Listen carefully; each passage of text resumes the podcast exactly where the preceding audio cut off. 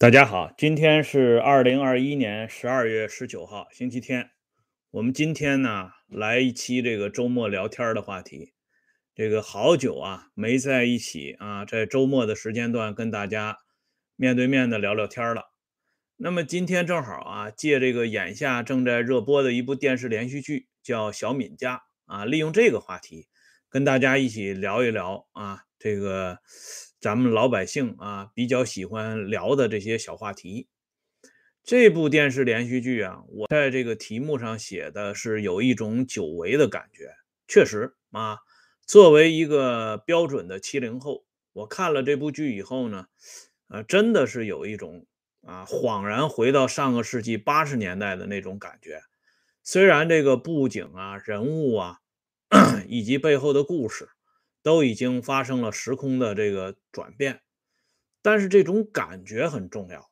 啊！很久没有看到这种啊 带着一点这个家庭的温馨的啊生活的泛光，以及产生啊思绪的涟漪等一系列啊小话题、小背景的这种电视剧了。哎，所以这部电视剧呢，至少我目前看到这个第十五集啊，觉得这剧还可以。哎，不知道大家感觉怎么样？另外，我在网上搜了一下，似乎呢，这个呃，一向对这个国产电视剧比较呃严格的一些这个评论网站呢，对这部电视剧《小敏家》啊也有诸多好评。哎，说明呢，这部电视剧的编导人员呢，啊，至少在前面这十五集是花了些心思的啊，因为这个。咱们都知道啊，这个国产电视连续剧它有一个重大的问题，这个问题呢，就是第一呢，是在这种舆论疑虑的啊大背景下，想拍出一部啊发挥个人思绪啊，或者是比较这个投合观众喜好的，非常之难。这个不是说这个编剧导演没这方面的本事。是你有这方面的本事呢，人家不让你施展出来，哎，因为这个，呃，拍电视剧是一方面，包括我们当初在国内出版个人的图书啊，啊，写一些传记等等的，都受到类似的限制，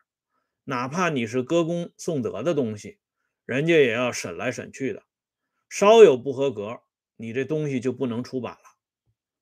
哎，所以这个电视剧这这方面的东西呢，我们也不好求全责备。你光骂这个编剧导演不用心，其实也不不全是这样。再加上眼下大家都知道，由于资本的运作啊，也不可能让哪一个编剧导演能够轻松的放下沉重的负担，认认真真的拍一部大家都喜欢的电视剧啊。钱这个东西太招人喜欢了啊。还有一点呢，就是这个眼下的这种本子好本子特别这个奇缺啊，剧本剧本一剧之本，哎，这个剧本这个东西呢，如果没有一个特别合格的东西啊，那你也很难拍出好的作品。你看今年啊，今年看了两部电视剧，感觉都很泛泛啊，一部呢是。小舍得。啊，这小舍得这个剧呢，说实话，呃，期望值还挺高的，因为这个导演张小波在去年呢拍过一部好看的电视剧《三十而已》，虽然这个《三十而已》最后那几集呢，也不得不采取那种媚俗的这种手法啊，都把这老百姓轰到乡下去啊，去种树去了，哎，呃，表示一种这种啊。呃，紧贴时代的这种呃节拍，但是这部剧呢，从总体上看还凑合，哎，可是今年张小波再拍这小舍得呢，一个是这个呃迎合政策的意向太过明显啊，主要是针对教培这个行业，哎，再一个呢，这里边的这个演员呢投入也不行，后来我就发现有个规律。好像只有只要是这个张国立呀、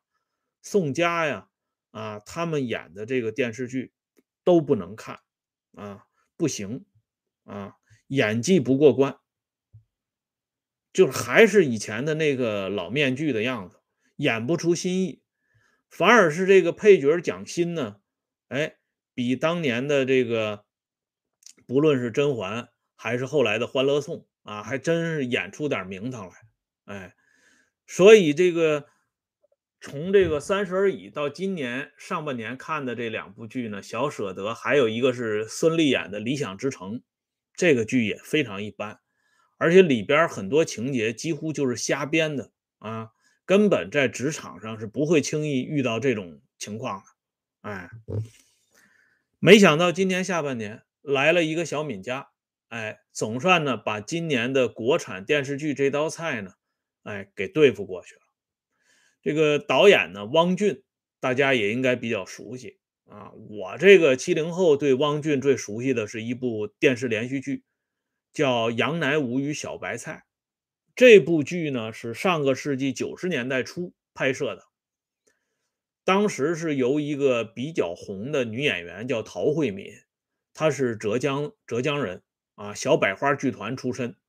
哎，最早呢是演一部长影拍的电影啊，开始出道，演这个杨乃武和小白菜呢，让这个陶慧敏呢一下子有点红，而这个汪俊当时啊。他在里边演什么呢？演这个一个恶少啊，就是那个余杭县知县刘希同的儿子啊，就是这个案子啊，从历史到这个剧本都是由这个公子哥引发的。这汪俊在那里边呢，就是这个扮相也比较猥琐，哎，所以这个对这个人呢一下子就记住了，而且这个呃。《杨乃武与小白菜》这部电视剧呢，呃，因为说的就是这个男女啊感情的这个事情。这部戏里边唯一一场啊，用咱们今天的话讲叫床戏啊，就演床上的这些小事儿的。这这这一场戏，就是陶慧敏与汪俊啊在一起的这场戏。当然了，那个年代演这些东西，自然是不会像今天让很多朋友。啊，大饱眼福或者一睹为快的，不是的啊，他就是那么一个小过场。但是汪俊在那里边呢，把这个呃县太爷的公子啊那副嘴脸演得很像的，所以后来再看汪俊拍的那个《别了温哥华》就是姜武演的那个，还有李小冉演的那个剧的时候，汪俊再一次啊出演反面角色，所以这个啊人们马上就能够接受了。啊，汪俊就是这个样子。这些年呢，汪俊跟这个小啊，这个带小字眼的这个电视剧标上了啊，什么小别离呀、小欢喜呀，哎，包括这次的小敏家，主要是围绕着这个孩子啊、升学呀、考试啊啊这个话题展开的。而且从这个小别离到小欢喜，再到这一次的小敏家。感觉这个导演的手法呢越来越娴熟了啊！当初排这个小别离的时候，咱们看这部电视剧，给人感觉就是结尾非常牵强，哎，非要这个搞一个这个呃离婚，然后呢两个人又重新复合啊，实际上这是属于典型的这个霸王硬上弓，哎，给人感觉也是非常牵强。那么小欢喜呢？就进一步了，把孩子这个教育问题呢，啊，就是暴露的有一点深度了。哎，这家长望子成龙、望女成凤的这种心情，以及现实的这种残酷。那么到现在的这部小敏家呢，就等于说是兼顾了啊。当然，这个本子也是不错的。这个小说呢，在网上呃连载以后呢，这个大家好评都不错啊，都不断。啊，再加上这个编剧黄磊呢，自己出来这个执笔啊，总编剧嘛，所以这部剧呢，从情节上看比较紧凑，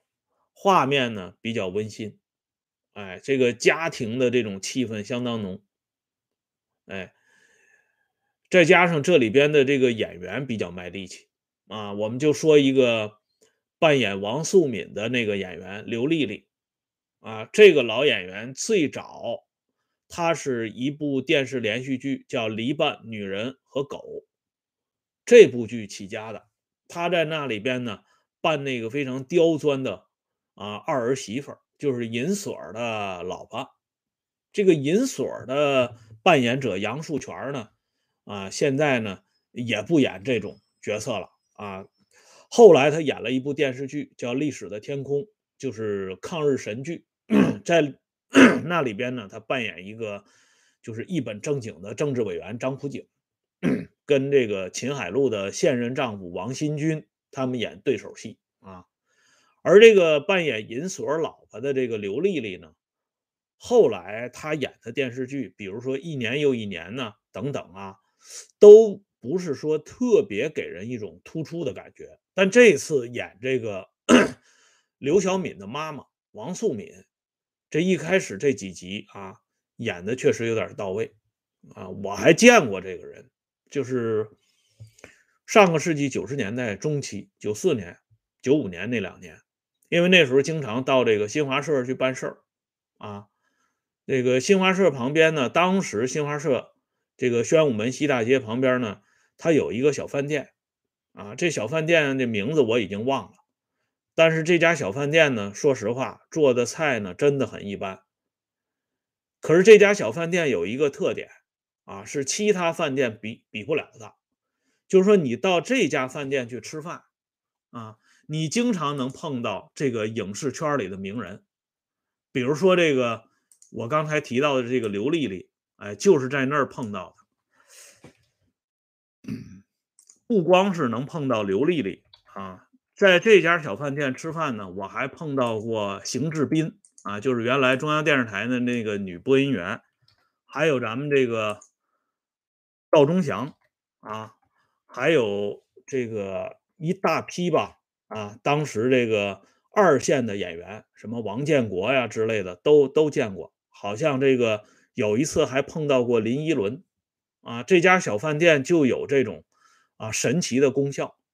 所以当时新华社的人就跟我说：“他说你要想见一见这些二三线的这个演员，你就到这家饭店去吃饭，赶上饭点他们都能出现。究竟什么原因啊？不知道，也没了解过。不过在北京呢，想见这些二三线演员，其实一点都不难。九二年我上大学的时候，在北京那个王府井新华书店逛街的时候，我就见过一个。”电视连续剧《雍正皇帝》里扮演这个老十四啊，就是这个大将军王啊胤禔的这个男演员啊，我还专门跟他打个招呼。那时候我这记性还挺好的，一下子把他认出来了。他也觉得挺吃惊的，因为他这么一个几乎可以算是三线演员啊，轻易这老百姓是认不出他来的。所以这个情况呢，也简单在这里跟大家回忆一下。那么这次这刘丽丽的演出呢，比她在之前一年又一年里边啊，包括《篱笆女人和狗》里边的，那已经精彩多了。她把这个这个单亲的妈妈这个啊，这大半生含辛茹苦的这个形象演的比较有意思，特别是跟女儿吵架的这一段啊，有点活灵活现的概念。另外还有值得一提的一点，就是咱们一直以来这个影视圈啊。有一句这个大家都知道的行话，就是说中国现在的这个影视圈这东北呢是半壁江山呢，甚至半壁江山都不止，四分之三都都应该差不多。那么这一次比较叫座的这小敏家里边也带有这种特点。这部电视剧里的演员们，我粗粗的看了一下啊，就是眼下播的这十几集，大家比较了。脸熟的这几个演员里边，就好几个是辽宁籍的。要不说咱们说大戏看辽宁，不光是这个现实政治舞台上的大戏啊，就咱们老百姓这小舞台上的大戏，也是咱们辽宁领衔主演啊。你看这个秦海璐这个演员，辽宁省营口市的啊。这不知道为什么介绍这个秦海璐的时候，总说他是大连人啊？不知道因为什么。这秦海璐在这里边应该说演的是相当不错的啊，加上他本人这个性格啊，也比较贴近于李萍这个形象，所以几乎是本色演出，跟他之前和陆毅演的那个《假如生活欺骗了你》那部电视剧里的那个高干子女的那个形象，简直是天壤之别，演的比那个投入多了。也可能是嫁给王新军之后呢，有一种精神面貌重新焕发的那个劲儿，比他在这个电视剧《河山》里边演的也非常投入。哎，包括演她丈夫红卫的那个冯雷啊，这冯雷演的也不错啊，比他之前演的那个什么黑白之间呢电视剧跟张呃跟这个。呃，张磊他们演的那部电视剧，还有后边的啊演二食堂的那部电视剧里边呢，都演的不错啊。这是辽宁营口的秦海璐，还有一个呢，就是演这个小敏家里边的一个可以说是这么一个比较欢乐的形象的前锋的扮演者吴比啊。这个人是演话剧出身的，我看了一下。他居然是辽宁省沈阳市省会城市出来的，这个演员在这个前十五集里边是一个花椒面式的人物啊，一到这个冷场的时候，前锋就出现了，说几句家乡话啊，逗得大家乐得一塌糊涂，演的挺好的。还有一个呢，就是也已经出场的，就是演这个刘小杰的前夫的童兵，这个人叫曲志明。他是辽宁省鞍山市人啊，也是个辽宁的。还有一个可能是即将要出场的，演这个徐正的妈妈，这个于慧啊。说起于慧这个人，我估计有一些啊喜欢看国产电影和电视剧的朋友，应该能知道她。她演的最有名的一部电影叫《喜莲儿》啊，她在那里边扮演这个女主人公喜莲儿，是一个非常泼辣的那个农村妇女。啊，然后领着全家致富的这一个概念，这个于慧啊，以前介绍他的时候呢，他就是总说他是辽宁省沈阳市人。现在呢，这个你上这个百度一搜的话呢，他这个籍贯变成了山东省青岛市。其实他真的是一个地地道道的沈阳人，因为他就生在沈阳，长在沈阳，学习呢也在沈阳。哎。不知道为什么现在呢又变到青岛，可能是这青岛呢这个名声是不是更大一些？这个我们也不知道。哎，所以这个从这些演员的这个籍贯上边，我们可以看到，这影视圈里东北占这个半壁河山的这个说法确实不是瞎编的，不是空穴来风。那么这部剧呢，就是说。往下看会不会也像其他那些电视剧一样，最后出现烂尾的情况？这个我们也不知道，我们就拭目以待。反正类似的这种国产剧呢，好的是越来越少了。逮着一部呢，就看一看，聊一聊，也正好呢是周末的时间段啊，跟大家通过这个平台啊，通过这么一个机会，一起啊，在这儿聚一聚。好了，今天呢，咱们这个小话题呢，啊，也带一个小字啊，就说到这里。感谢朋友们上来点赞、收看和收听啊，欢迎大家关注“温相说时政”啊会员频道，经常有更新啊。最最近这个有朋友，刚才有朋友在直播间里也问啊，说咱们这个时政话题呢，什么时候聊？找时间了啊，因为最近真是太忙了。这个有时间的话，咱们都会安排啊；没时间的话，只能顺延了啊。好了，今天说到这里，再见。